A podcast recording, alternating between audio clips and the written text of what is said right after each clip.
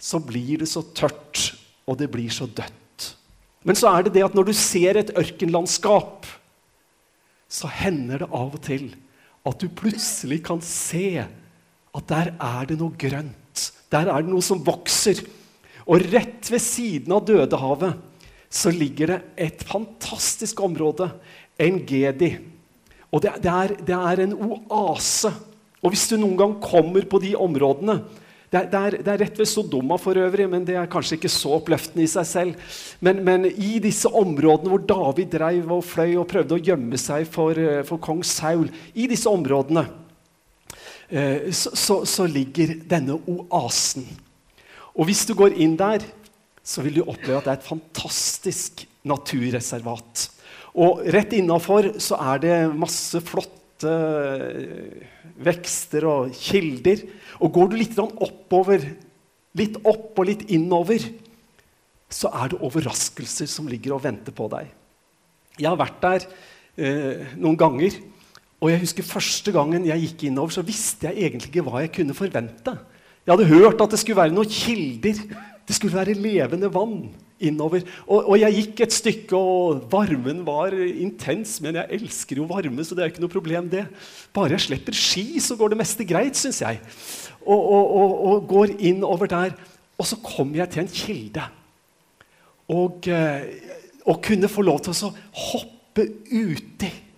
Jeg hadde nær sagt hoppe uti levende vann midt i ørkenen. Og oppleve at du får kjøla deg ned. Friskt er det. Så kan du legge deg på noe som ser ut som svaberg og tørke i sola før du går videre. Det er en kilde, en oase.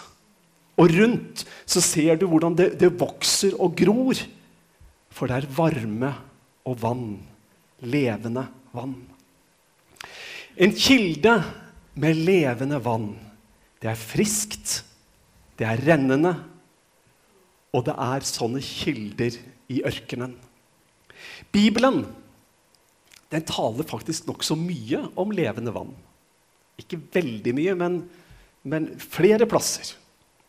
Og eh, den taler om det med et mye dypere innhold enn bare en oase i en ørken.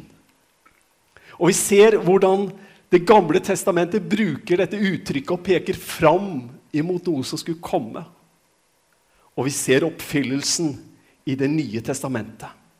Du, Profeten Zakaria, for å ta noe fra Det gamle testamentet først, han ser, og så bruker han et spennende uttrykk. Han bruker uttrykket 'en lang dag'. Det skal komme noe en gang. En lang dag. Jeg kan lese for deg. Det skal være en lang dag. Herren kjenner den. Ikke dag og natt. Ved kveldstid skal det være lyst. Den dagen skal det renne levende vann ut fra Jerusalem, halvparten til havet i øst og halvparten i havet til vest. Slik skal det være både sommer og vinter. Som jeg sa, Det er ikke første gangen og det er ikke siste gangen i Bibelen at vi møter dette uttrykket 'levende vann'. Vi møter på mange måter det samme gjengitt på en litt annen måte. Folket, Israelsfolket, de har forlatt Egypten. De har kommet over havet. De er på vei mot løfteslandet. Og så går det sånn som det av og til går for oss mennesker. Jeg skjønner nesten ikke at det blei sånn for israelsfolket. De hadde jo sett alle undrene i Egypt. De hadde sett hvordan Gud med et sånn mektig hånd førte de ut av fangenskap, sendte de over havet. Og så allikevel så begynner de å tvile. Vi glemmer så fort, altså. Og, og, og de blir tørste, for de savner vann. Og de tenker at nå er det bare én ting vi kan gjøre, og det er å klage og klage og klage. Hvorfor førte du oss ut fra Egypten og vi skal dø her i ørkenen? Og de klager til Moses, og Moses han går til Gud. Og så sier Gud til Moses.: Se, jeg skal stå foran deg på klippen ved Horeb. Når du stå, slår på klippen, skal det komme vann ut av den, så folket får drikke. Moses gjorde som Herren sa, for øynene på Israels eldste. Levende vann som kommer strømmende ut av et fjell, altså en klippe. Altså, Moses løfter staven, slår på klippen, og så strømmer det livgivende vann ut. Ja, det er levende vann. Friskt, rennende, gir liv og er nødvendig. Vi leser en parallell situasjon. Det er i Fjerde Mosebok. Der er folket De ble jo gående i ørkenen i årevis, 40 år, fordi de ikke ville tro. Og så Etter en stund så er de tørste igjen, og de har visst glemt alt hva de har lært. Og de klager og de knurrer, som det står i en oversettelse. Og Moses, han blir sint. Jeg kan ikke skjønne det på noen annen måte. De klager og de syter, og Moses går til Herren, og Gud sier dette. Ta staven og kall menigheten sammen, du og din bror Aron. Dere skal tale til klippen foran øynene på dem. Da skal den gi fra seg vann. Du skal få vann til å strømme ut til dem fra klippen. Slik skal du la folket og buskapen få drikke. Men Moses han var jo sint. Jeg tror han var lei.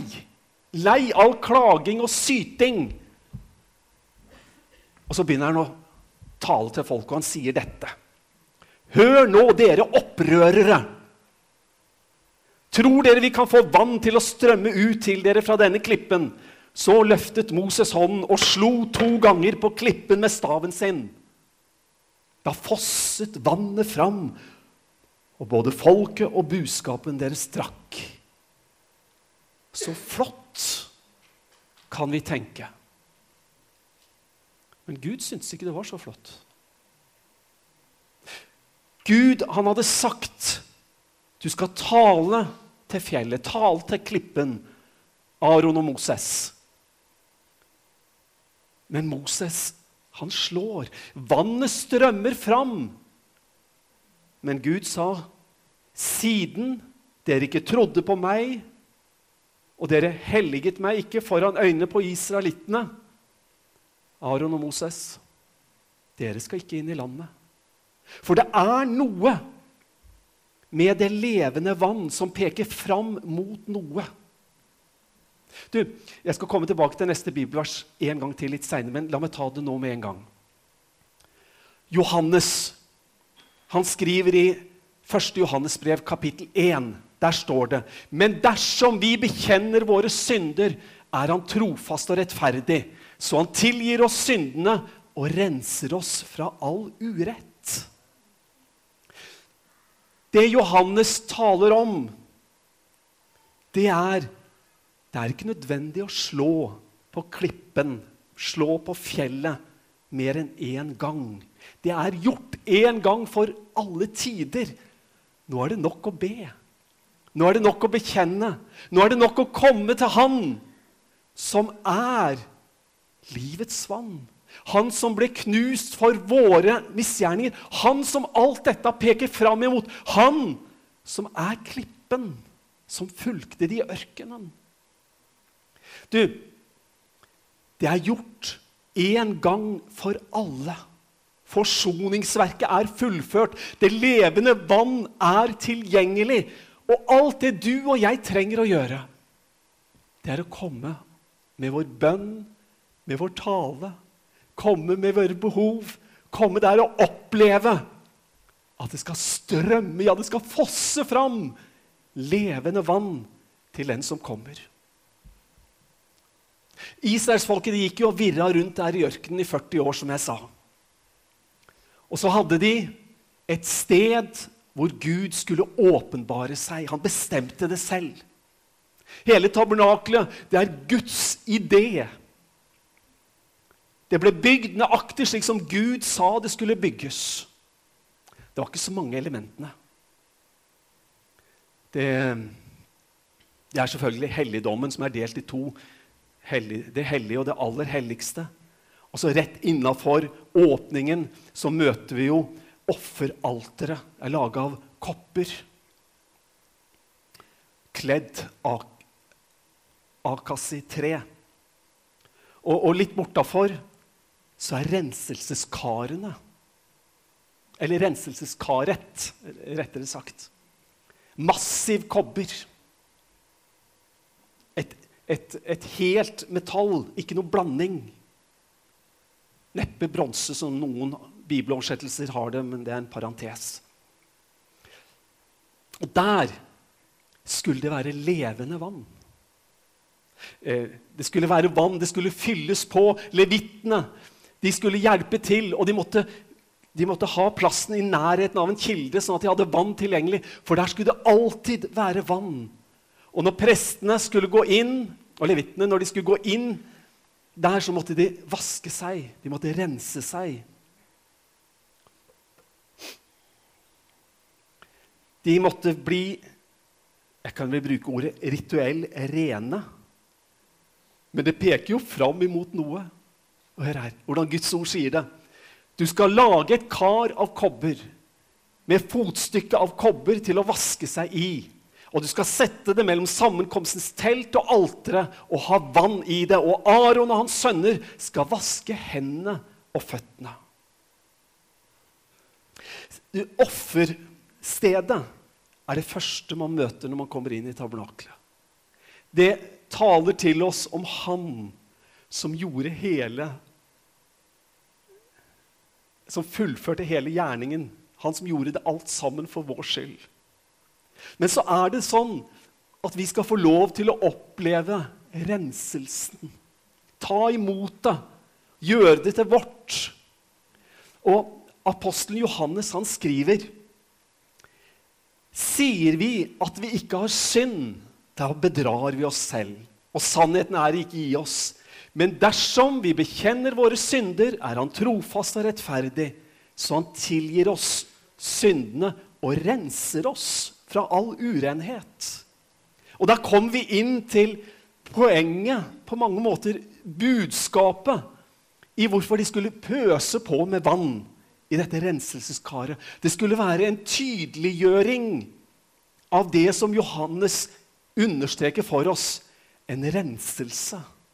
En, en, en, prosess som bare Gud kan gjøre, som gir oss av det levende vann, for at vi skal kunne stå ren og rettferdig, himmelen verdig, ren og rettferdig. Hvis du kommer til Jerusalem Dette er et enkelt kart over gamlebyen. Rett sør for ja, tempelplassen, om jeg sier det sånn klagemuren, Vestmuren, så er Davidsbyen. Og Hvis du kommer der og er bitte litt interessert i arkeologi, da har du noen timer å kose deg. Å komme inn der og se utgravningene av der hvor David bodde i Jerusalem. Jeg, jeg, har tungt for å ta en del av den informasjonen. Men, men jeg bare aner at for de som har krefter til å ta det til seg, så må det være ufattelig, ufattelig spennende. Hvis du går nedover, så kan du ta noen bilder, og du ser hvordan de graver fram det ene og det andre. Du kan komme til Hesekias-tunnelen. Den har to spor, så hvis ikke du trives i bekmørket med vann opp til livet og vasser innover den tunnelen som ble laga for at det skulle være vanntilførsel inn til byen, så kan du velge et alternativ for er mer, litt enklere, som er opplyst og tørr. Så kommer du ned, og så kommer du, og det er det som er poenget mitt så kommer du til en, en dam. Eller rettere sagt, det var en dam. Du kommer til Siloadammen. Og der, der, driver arkeologene og graver ut, og de finner tydelige spor. Og de vet at jo, her var Siloadammen. Og bare for å minne deg, hvis du ikke catcher med en gang, husker du fortellingen om den blinde? Som, som Jesus tar og sier, 'Gå og vask deg i Siloadammen'. Og så går han og gjør det. Det var der det skjedde. Og Silodammen den, den fylles med dette vannet fra Hesekias-tunnelene. Og den er der, og den er en kilde. Og den dammen har en funksjon i en av høytidene som israelsfolket feira. Jeg har aldri vært i Israel under eh, løvhyttefesten. Men Det måtte vært spennende, tror jeg, bortsett fra at da er det visst fryktelig mye folk. Men det er nå så.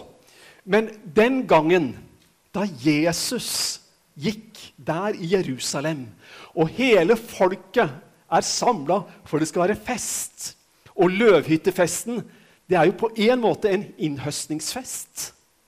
De feirer grøden som er høsta inn. Så er det til minne om israelittenes opphold i ødemarken. Da de var på reise, da de flykta, da de bygde seg hytter av løv og kvist. Og, og Rabbinerne har sagt at når de nå i dag skal bygge disse hyttene til minne om dette, bare for akkurat selve feiringa etterpå skal det rives, for det skal bare være for en kort stund, så skal det ikke være tettere på taket enn at du ser stjernene. For det skal ikke være mer komfortabelt enn som så. Løvhyttefesten til minne også om en tredje ting, nemlig at Gud ga de Toraen, altså de fem Mosebøkene. Og når vi snakker om løvhyttefesten, så skal jeg lese for deg fra Johannes kapittel 7.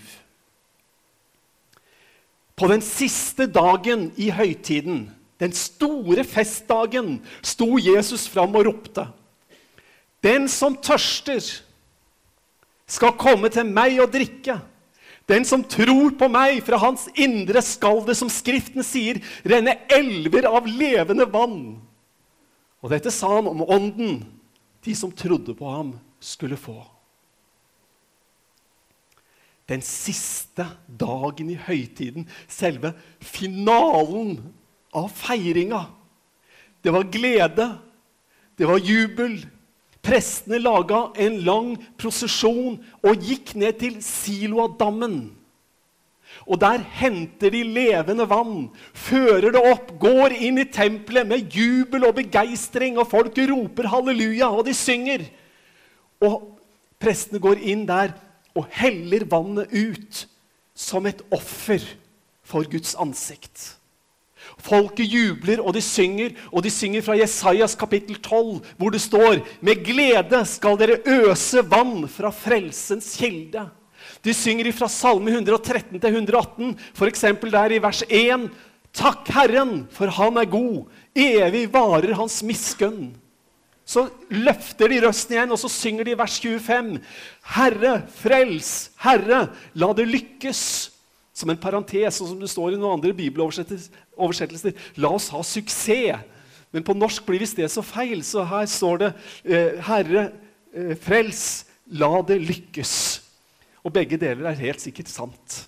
Og så synger de det siste verset, vers 29, som er identisk med det første, der det står Takk, Herre, for Han er god. Evig varer hans miskunnhet.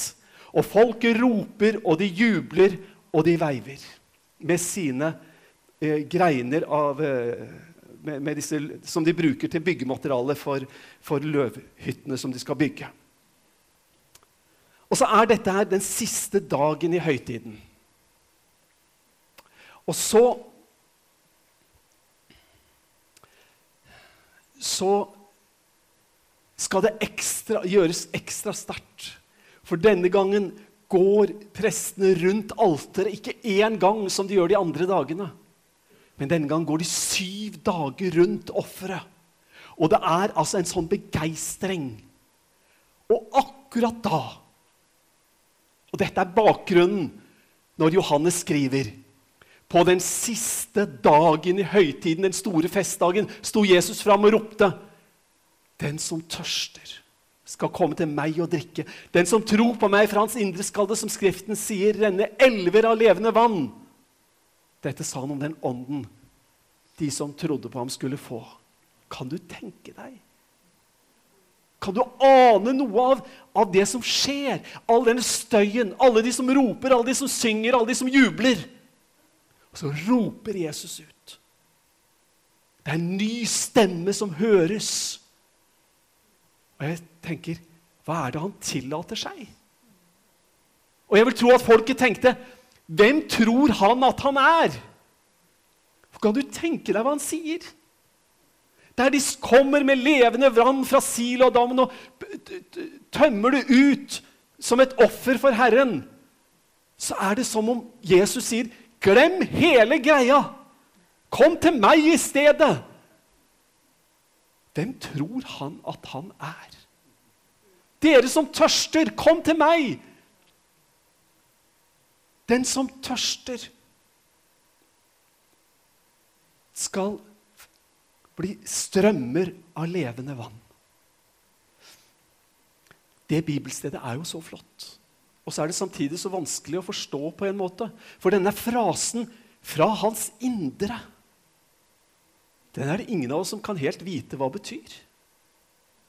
Og ser man gjennom kirkehistorien, så ser du at oppfatningen er delt hemmelig på midten hele veien. Og så ser du i, i kommentarverker i dag så tror jeg jeg kan finne 20 navn på den ene sida og 20 navn på den andre sida.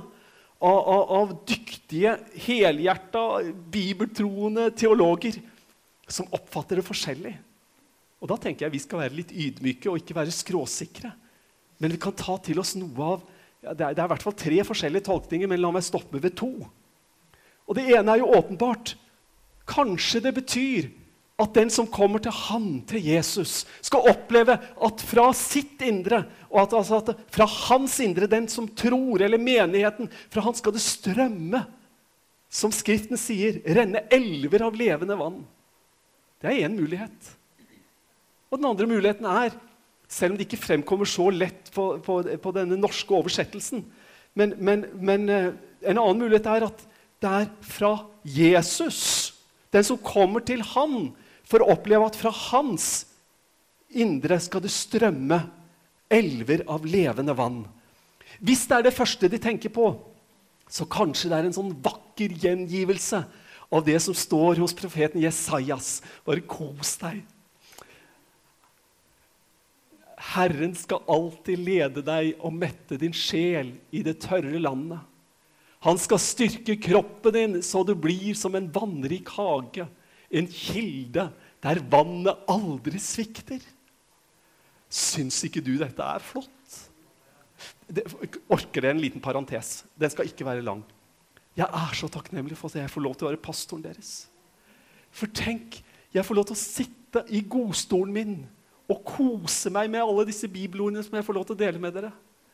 Og Geir Danne sier at nå må vi bytte den, for den er utslitt. Men den får hun aldri lov til å bytte. Jeg skal lappe den med gaffateip. Det er ikke noe problem. Men du, det å sitte og kose seg med disse bibelordene Du, kanskje Hvis det er fra Jesus, at det er fra han det skal velles elver av levende vann, så er det helt sikkert et gjensvar på det som står her. Se, jeg skal stå foran deg på klippen ved Horeb. Når du slår på klippen, skal det komme vann ut av den, så folket får drikke. Og det er spennende. Første Korinterbrev. Når, når Paulus, inspirert av Den hellige ånd, forklarer dette Hør. Alle spiste de den samme åndelige mat og drakk den samme åndelige drikk. For de drakk av den åndelige klippe som fulgte dem. Og denne klippen var Kristus. Altså, det er dimensjoner, og det er noe greier som ligger her, som forteller oss det er levende vann tilgjengelig. Den som tror på meg, fra hans indre skal det, som Skriften sier, renne elver av levende vann. Og Johannes, han fortsetter. Og nå, nå kommer vi til noe som vi for all del ikke må miste. Vi må få tak i dette. For Johannes, han skriver Dette sa han om ånden de som trodde på ham, skulle få. Ånden var ikke ennå Ånden var ennå ikke kommet, for Jesus var ennå ikke blitt herliggjort. Ånden var ikke kommet ennå. Du, det var ingen mennesker som oppfant atomkraft. Den har vært der alltid, fra skapelsen av. Men så gikk det ei stund, veldig lenge, så oppdaga vi mennesker hvilken enorm kraft som lå i å spalte atom. Jeg tror det var riktig sagt, men om det var feil, så får dere bære over med meg. Det gikk lang tid, men kraften hadde vært der hele tiden. Det var ikke noe vi fant på, men vi oppdaga hvordan den kunne utnyttes. Og Den hellige ånd, den svevde over vannene. Det var ikke noe nytt. Men så blir det noe helt nytt. For den som er der, skal ikke bare være allsteds nærværende. Men Den hellige ånd skal komme, ta bolig i oss. Kraften skal frigjøres, og det blir en helt ny virkelighet.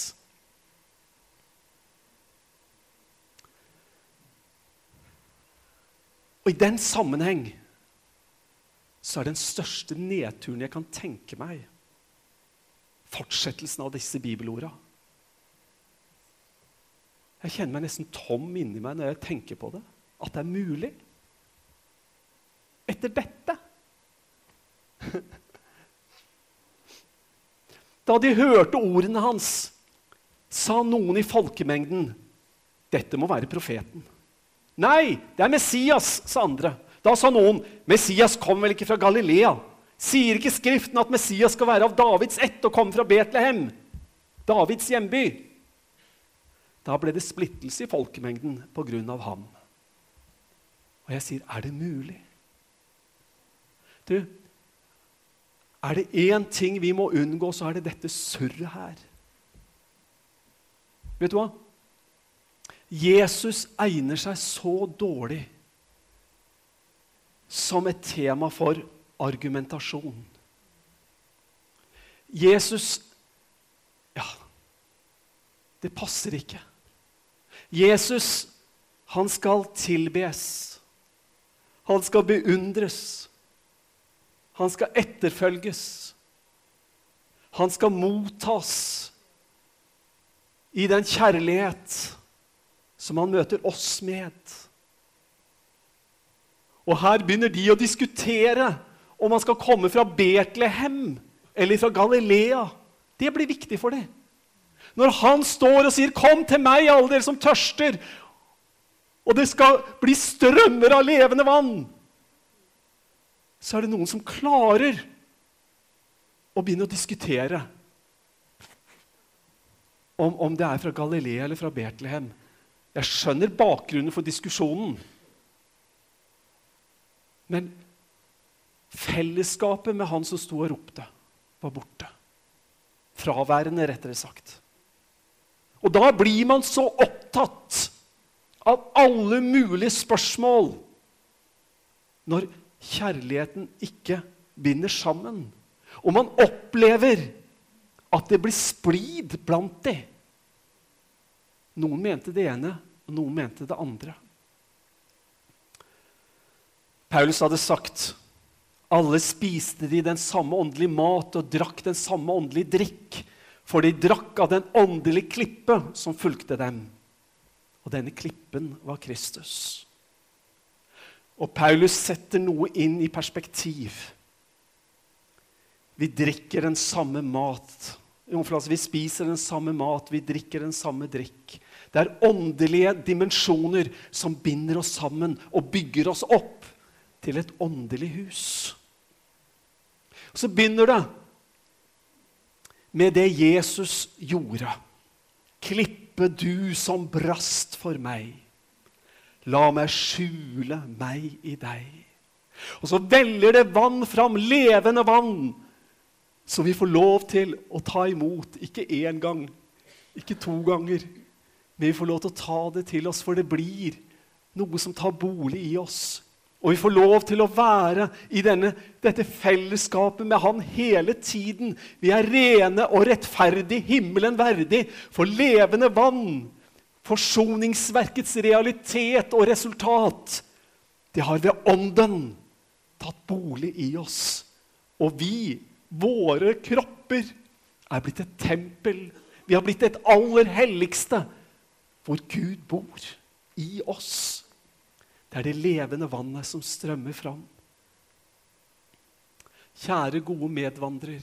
Jeg skal avslutte nå. Jeg skal fortsette neste søndag og tale mer litt over samme tema. Men kjære, gode medvandrer. Jesus sier til deg, og han sier til meg, nå i dag Tørster du, så kom til meg og drikk.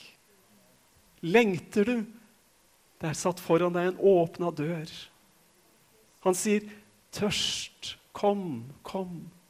Du skal få oppleve, og dette tror jeg egentlig er svaret på det som ikke vi helt forstår. Og det er at det levende vannet springer fram. Ja, det er fra Jesus. Det er der elven strømmer fram. Det er hos Han, og ikke noen annen plass. Men når Han ved Ånden tar bolig i oss, så opplever vi at det vannet som strømmer fra Han, også strømmer ifra deg og meg. For det kommer ifra Han som har tatt bolig i våre hjerter. Og Da blir det sant, begge deler. For det kommer fra Han. Men du og jeg vi får være en kanal for det, og vi får oppleve Vi har det med oss hele tiden. Levende vann. Nok for hver eneste dag, for hver eneste tid, for hver eneste situasjon. Jesus sa, 'Kom til meg, dere som tørster'. I Jesu navn. Amen.